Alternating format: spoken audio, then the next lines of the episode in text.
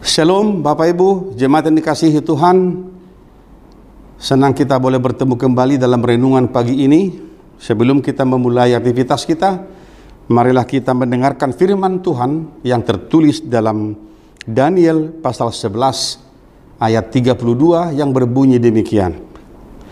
Dan orang-orang yang berlaku fasik terhadap perjanjian akan dibujuknya sampai murtad dengan kata-kata licin tetapi umat yang mengenal Allahnya akan tetap kuat dan akan bertindak. Dalam bahasa Batak dikatakan, Jala halak nama jahati dopak perjanjiani, apuanna do halak berbalik merhitis yang hata ela-ela, alayang gobangso akan natumadda di batana, petudusun nama rohana laos marsihohot. Demikianlah firman Tuhan.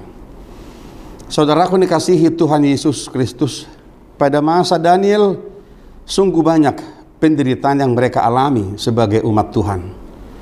Di tengah-tengah amukan raja yang luar biasa Nebukadnezar pada waktu itu, satu hal yang mereka paksakan adalah bagaimana anak-anak Tuhan ini harus menyembah kepada dewa Baal yang tidak mereka kenal sebelumnya di tengah-tengah kehidupan bangsa Israel.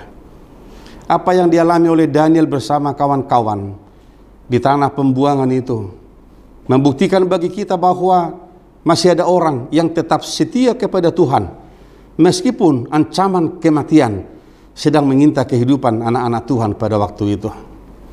Saudaraku mari lihat firman Tuhan hari ini.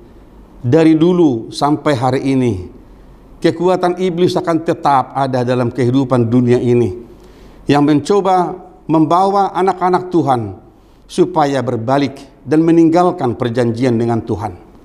Tetapi firman Tuhan katakan hari ini, tetapi mereka yang tetap setia kepada perjanjian itu, umat yang mengenal Allah, mereka akan tetap kuat dan akan bertindak.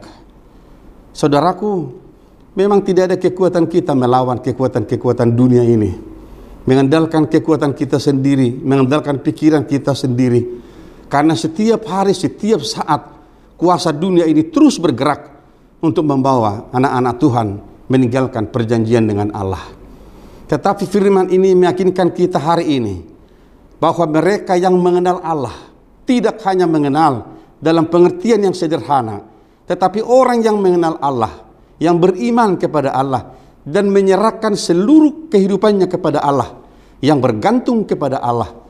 Firman ini berkata, mereka akan tetap kuat oleh karena saudara-saudaraku, kekuatan kita hanya terletak pada ketaatan kita kepada Tuhan. Amsal pernah berkata dalam Amsal 35, percayalah kepada Tuhan dengan segenap hatimu dan jangan bersandar kepada pengertianmu sendiri. Pengertian kita, kekuatan pikiran kita, kepintaran kita terbatas adanya. Tetapi mereka yang bergantung kepada kuasa Allah, yang mengenal Allah dalam kehidupannya, yang menyerahkan hidupnya kepada Allah, mereka akan dikaruniakan, diberikan kekuatan. Sebagaimana Paulus juga dalam Filipi pasal 4 ayat 13, segala perkara dapat dia tanggung di dalam Kristus yang memberi kekuatan. Kiranya hari ini juga kita saudara-saudaraku boleh menjalani kehidupan kita di dalam Tuhan dan kita percaya bahwa kekuatan Tuhan akan membawa kita kepada kebahagiaan. Jangan lupa kita pakai masker, mencuci tangan, dan jauh kerumunan supaya kita tetap sehat di masa pandemi COVID ini. Amin. Kita berdoa. Ya Bapa, ajar kami untuk tetap setia kepadamu. Meskipun kami diperhadapkan kepada berbagai pergumulan, penderitaan, bahkan ancaman kematian. Sebab kami percaya bahwa Engkau adalah Allah sumber kekuatan kami. Kami berdoa di dalam nama Tuhan Yesus Kristus Tuhan kami. Amin.